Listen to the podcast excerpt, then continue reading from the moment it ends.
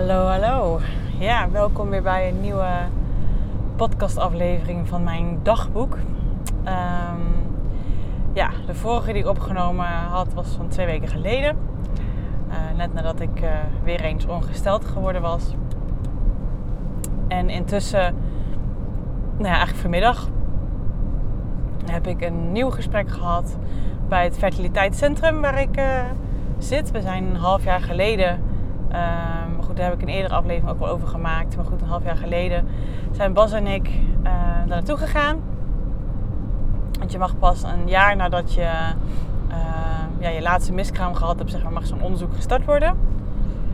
Uh, dus dat begint natuurlijk eerst met een gesprek en de vragenlijst en alles. Nou, de uitslag hebben we dus in maart gehad. Dat het ehm, nou, tot nu toe nog een onverklaarbare reden is waarom het nog niet lukt om succesvol blijvend zwanger te zijn. En ze had ook gezegd, nou laten we het, die kans is gewoon nog echt 45% binnen een jaar om gewoon nog natuurlijk zwanger te worden. Dus laten we gewoon elkaar over een half jaar weer uh, ontmoeten. En kijken we, ja, behalve als het tussentijd nieuws is, wat er speelt. Nou goed, toen de laatste keer dat ik um, ongesteld werd, nou dat heb je in de vorige aflevering mogelijk gehoord. Je hakte er natuurlijk weer heerlijk in.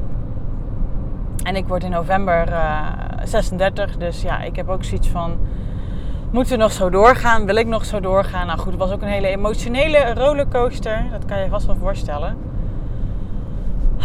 Veel gesprekken gehad. Heel fijn naar mijn moeder kunnen gaan. Ook met een vriendin.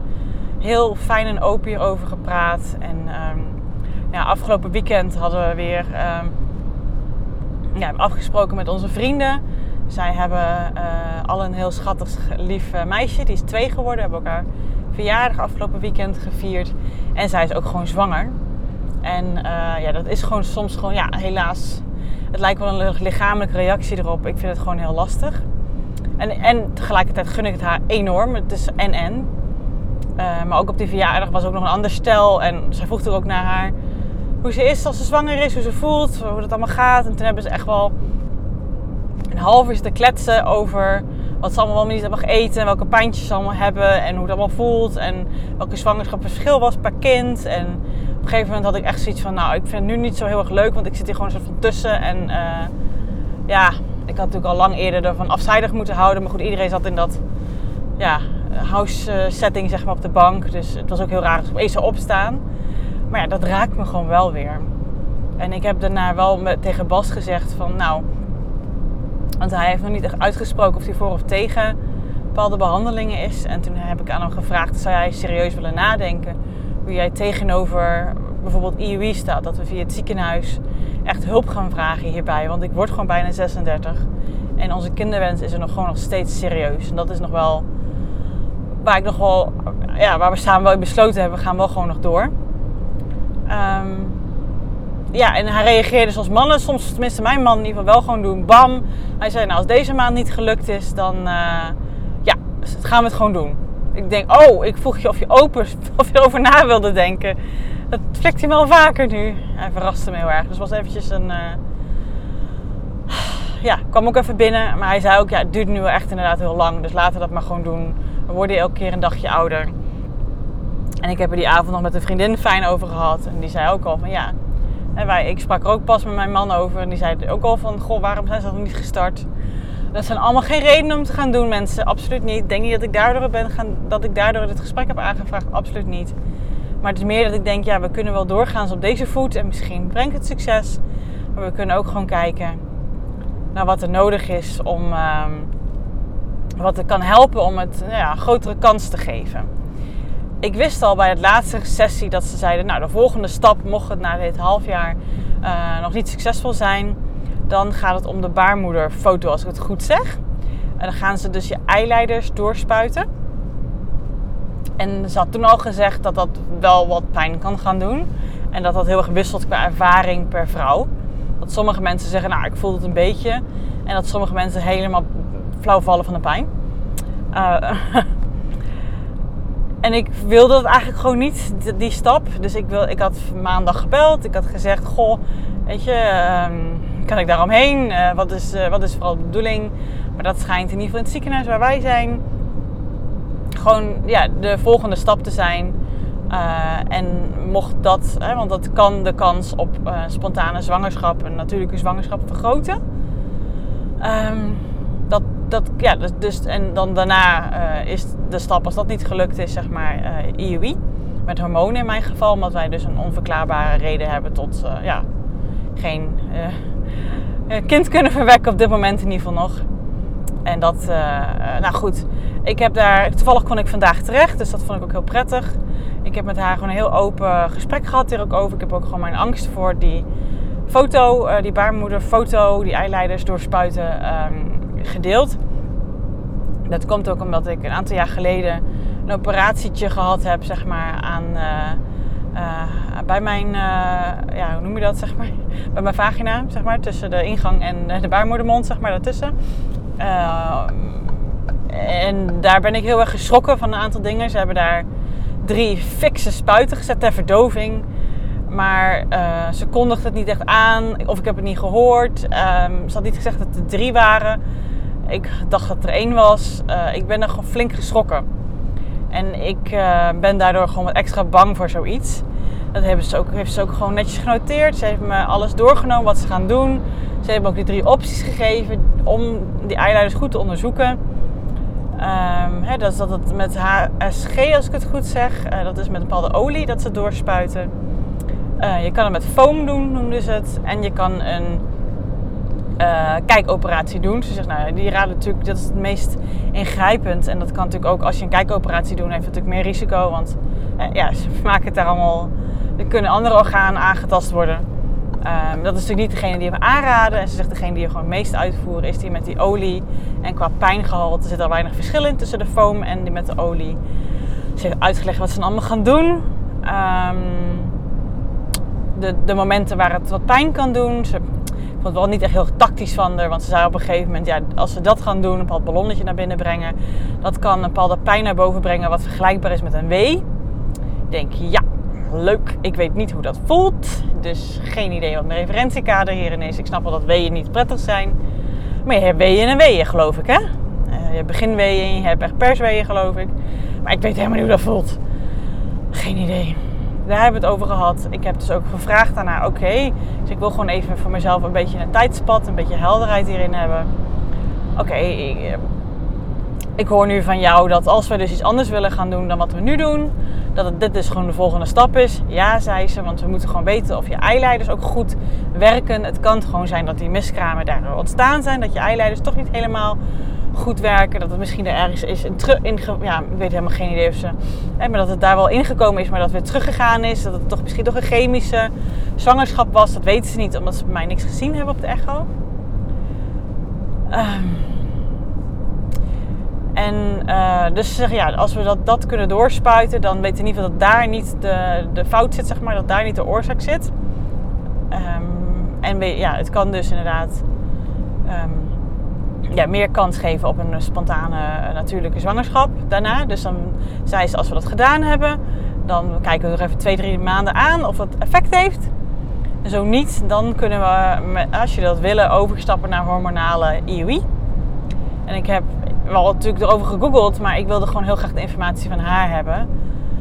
En zij vermeldde inderdaad dat je dan, eh, als ik het goed onthouden heb, vanaf dag drie na de ongesteldheid uh, elke dag jezelf prikt. Hormonen toedient. Uh, het schijnt niet een grote naald te zijn, want daar heb ik natuurlijk ook weer een soort van fobie op. Fantastisch. Het schijnt zo'n insulinenaaldje te zijn, dus een heel kort naaldje, maar die moet je dan bij je buik jezelf prikken. Elke dag tot aan de uh, inseminatie. Dus ja, mijn taak is dus dat, er, dat ik mezelf hormonen toedien, zodat er meer eiblaasjes uh, gerealiseerd worden dan degene die ik nu heb. Dat we meer kansen hebben. Um, en mijn man moet dan op de dag dat ze met verschillende echo's gaan kijken, um, wanneer mijn ovulatie precies is. Um, uh, moet hij dan zijn zaakje deponeren, zeg maar, komen brengen. En dan gaan ze zijn goede zwemmertjes eruit halen. En die gaan ze dan bij mij insemineren. En dat gaat dan natuurlijk ook, ja, heeft hogere kans om zwanger te worden. Of in ieder geval andere kans om zwanger te worden dan, dan hoe het nu is. Ze had het wel over tussen de 8 en 10 procent uh, dat je dan kans hebt. Maar ze zegt ja, dat is eigenlijk gemiddeld gezien ook de kansen die je normaal hebt. En ze zei dat tussen de 20 en 40 procent van de mensen die dat doen, hormonale IUI, na drie of vier keer zwanger worden. Blijvend zwanger worden met een gezond kindje. Dus ik denk, nou, dat zijn al wel interessante, in totaliteit, interessante kansen. En mocht dat nog niet zijn goede resultaat opbrengen, zou de volgende stap kunnen zijn IVF. En IVF, uh, wist ik, is veel heviger qua hormonen. Veel, dus veel, ingrijpender voor het lichaam ook. Um, ja, en daar zijn we verder niet op ingedoken, want dat is natuurlijk nog wat verder toekomst. Maar ja, dat zei ze. En ik vroeg ook, eh, waarom doe je eerst IUI? Waarom doe je niet gelijk IVF? Maar dat was natuurlijk de reden. En ze zei, de bijwerkingen zijn ook veel groter van IVF dan van IUI. En vergeleken met de bijwerken van IUI en de grotere kansen op zwangerschap, uh, doen we eerst IUI. Um, ehm, ja, er zitten natuurlijk ook hormonen bij. Dus zei ook al, daarbij uh, heb je veel meer stemmingswisselen dan normaal. Misschien meer hoofdpijn, uh, misselijkheid. Ja, er zitten gewoon bijwerkingen bij, wat natuurlijk ook weer verschilt per persoon. Maar ja, goed, ja, weet je. Ik weet nog het moment dat, uh, dat mijn man en ik besloten hadden dat we ervoor wilden gaan. Dat we allebei zoiets hadden van, we gaan er nu voor. We gaan binnenkort stoppen met de pil. Ik maak mijn strip af. Um, yes, 2,5 jaar geleden was dat. Um, toen zei ik ook nog tegen mijn man, tegen Bas, ik zeg ja weet je, ik wil heel graag een kind, lijkt me echt heel mooi, lijkt me een mooie toevoeging.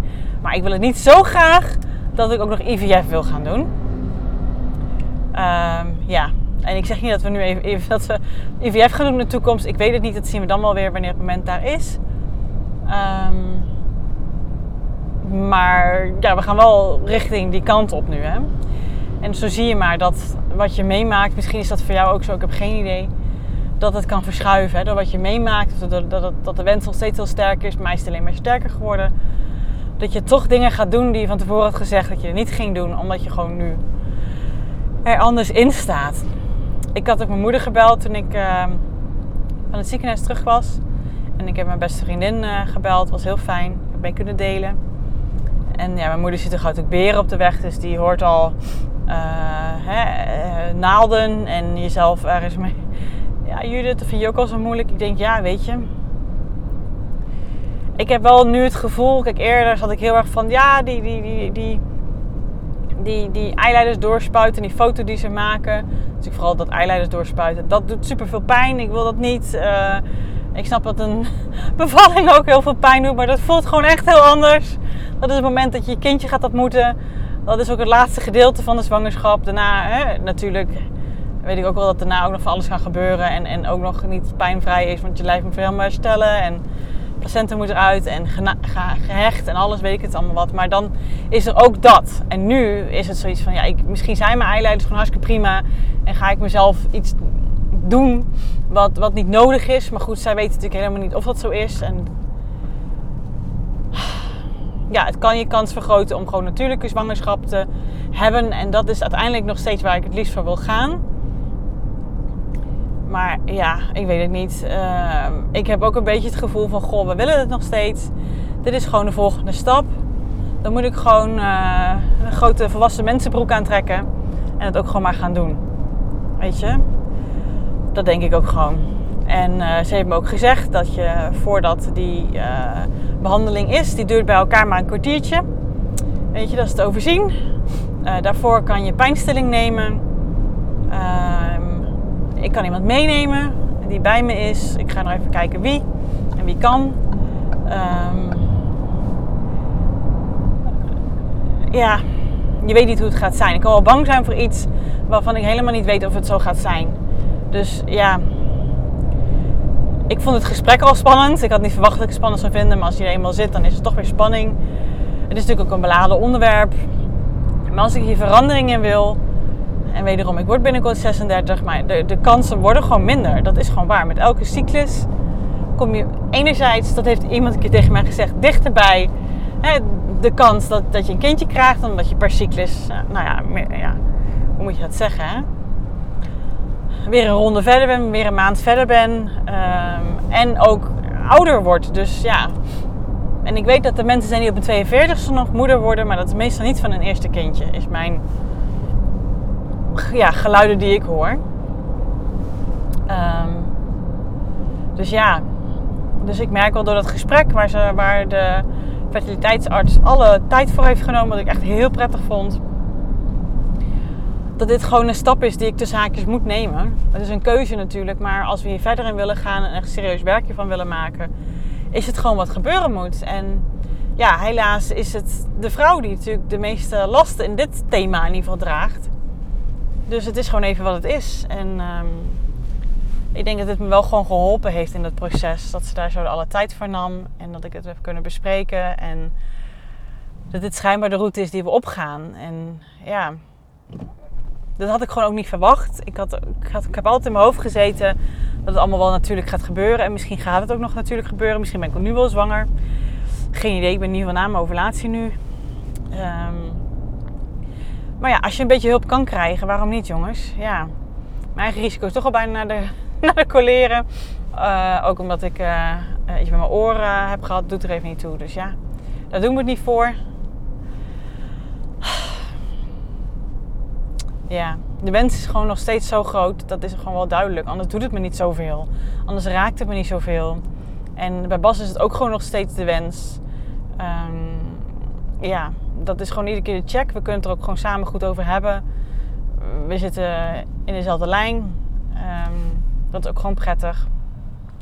En we nemen het gewoon per stap in het proces, kijken we het gewoon aan. Weet je, misschien wil ik nog heel veel de tijd tussen de, het eileider doorspuiten en dat we met IUI beginnen even wachten. Misschien als we toch met IUI doorgaan en het lukt niet gelijk, dat zei ze ook, je kan meerdere pogingen doen. Gemiddeld doen we 3 A4 voordat we naar IVF overstappen, maar dat kun je, kan er ook 5 of 6 doen. Dat doen ze altijd in overleg en elke keer stap voor stap. En dat is ook gewoon hoe ik het mag bekijken natuurlijk. Maar jongens, wie had dit gedacht? Ik denk dat ik wel vaker in de podcast heb gezegd. Maar het moment dat wij dachten, we kiezen voor ja, het proberen van zwanger worden. Het is niet dat ik dacht, oh, dit gebeurt gelijk. Uh, alles halleluja. Ik heb natuurlijk ook verhalen gehoord. Maar ik had niet verwacht dat het zo zou lopen. En wederom, het heeft me ook heel veel gebracht. Ik heb, ben echt een rollercoaster van een proces ingegaan. Waardoor ik ook echt veel steviger in mijn lijf ben gaan zitten. Veel beter met mijn emoties om kan gaan. Hechtere banden met mensen heb gekregen. Volwassener ben geworden. Um, meer in contact met mezelf gekomen. Ook doordat ik met die pil gestopt ben. Dat, dat sowieso überhaupt al. Hè, al die stopping daarvan was denk ik al een hele grote effect op mij. Dat heb ik echt, ik heb echt wel moeten ontpillen ook daarvan. Uh, dat heeft ook wel effect gehad. Bas en ik hebben gewoon een veel ja, hoe moet je dat zeggen, diepgaandere, betekenisvolle relatie intussen ook. Dus het is, het is en en, dat klopt. En ook bij keuze gaan we deze hier verder in. Wat ik ook even wil benoemen is dat ik eh, na, aanleiding van de vorige podcast, uh, ik hoop dat je luistert, ik denk het wel, uh, mailtje heb gekregen van iemand. En waardeer ik enorm. Ik merk dat ik, dat ik me nu besef dat ik er nog niet op gereageerd heb. Um, ja, die persoon heeft mij een adres gegeven van volgens mij een kliniek in België. Um, waar ze um, ja, je helemaal grondig onderzoeken, zeg maar. Waar ze dat natuurlijk meer doen dan nu gebeurt in het ziekenhuis waar wij wonen. ik heb alleen ergens gewoon echt heel erg sterk het gevoel. Vandaar dus dat ik wat moeite had met die foto maken. Maar goed, als het meer kans geeft, beter. Maar goed, ik heb ergens gewoon sterk het gevoel dat het niet iets is wat bij ons lichamelijk speelt. Dus, maar ja, dat kan ik niet bewijzen. Um, dat heb ik niet. Misschien is het ook gewoon een timing issue. En misschien zeg ik, zeg ik dit en denk jij nu, hè, maar jij hebt het over IUI en dat wil je gaan doen. Dus wat zit je nou te bazelen?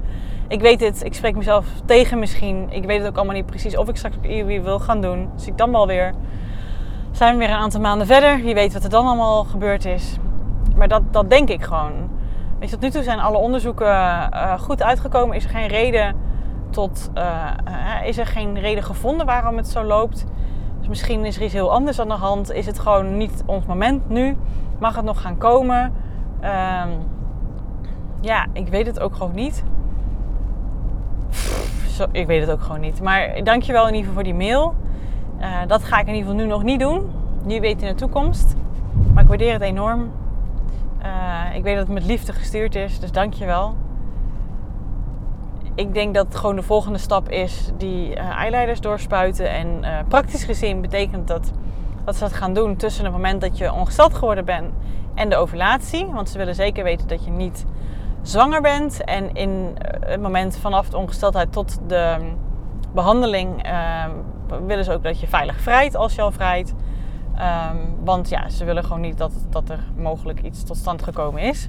Want dan gaan ze iets vernietigen wat, ja, waarvoor je dat juist aan het doen bent.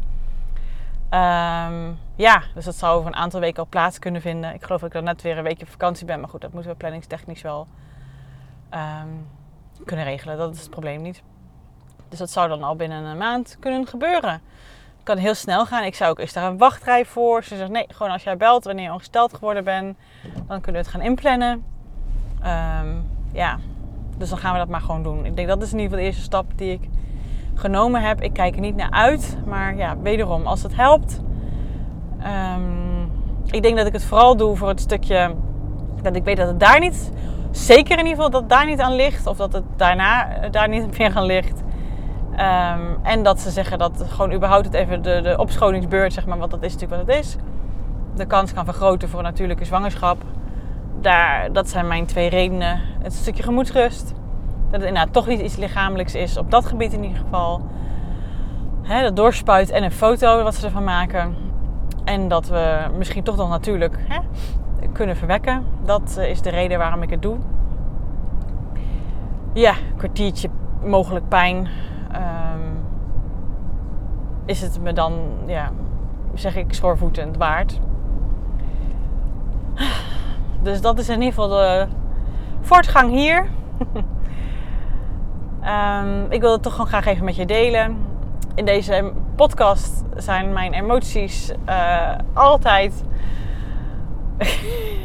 heb ik gewoon open en eerlijk met jou gedeeld. Mocht, ik weet niet of jij dit je eerste aflevering is of dat je meerdere hebt geluisterd überhaupt dankjewel voor het luisteren. Ik hoop dat ik ook iets voor jou kan betekenen hierin. Uh, voor mij in ieder geval wel. Dat ik het überhaupt hardop kan delen. Dat ik weet dat mensen luisteren. En dat er mogelijk dus mensen zijn die hier de steun uit halen. Dat is wat het nou, voor mij betekent hier ook in. Um, ik neem hier gewoon constant mee. Um, ja, ik wil hopelijk ook hierin voor jou betekenen dat jouw emoties er ook gewoon mogen zijn. En dat het ook kan zijn dat je de ene keer uh, jankend uh, met iemand aan het kletsen bent. En dat je misschien uren of dagen of weken daarna toch weer anders in zit. Dat recht heb je. Dat mag je hebben. Um, hier komen gewoon heel veel emoties bij kijken. En voor een vrouw, weet ik uit eigen ervaring, komt het zo dicht bij huis. En is het zo eigen. En het is zoiets wat, in ieder geval als ik voor mezelf spreek, zoiets wat... Um, ik weet niet, het raakt me gewoon in mijn kern. Het raakt me gewoon ten diepste. Uh, ik had niet geweten dat zoiets als dit zo'n thema was wat voor mij al zijn tentakels in heel mijn zijn had. Misschien is het voor jou heel anders, ik weet het niet. Um, ja. Dus het mag er allemaal zijn, dat is wat ik hiermee wil zeggen. En ik laat het bij mij ook allemaal gewoon zijn. En uh, dat is ook oké. En ook voor jou is dat ook oké. Dat wilde ik toch nog even gezegd hebben. Dus dankjewel voor het luisteren. En wie weet, uh, mocht je daar behoefte aan hebben, tot een volgende podcastaflevering.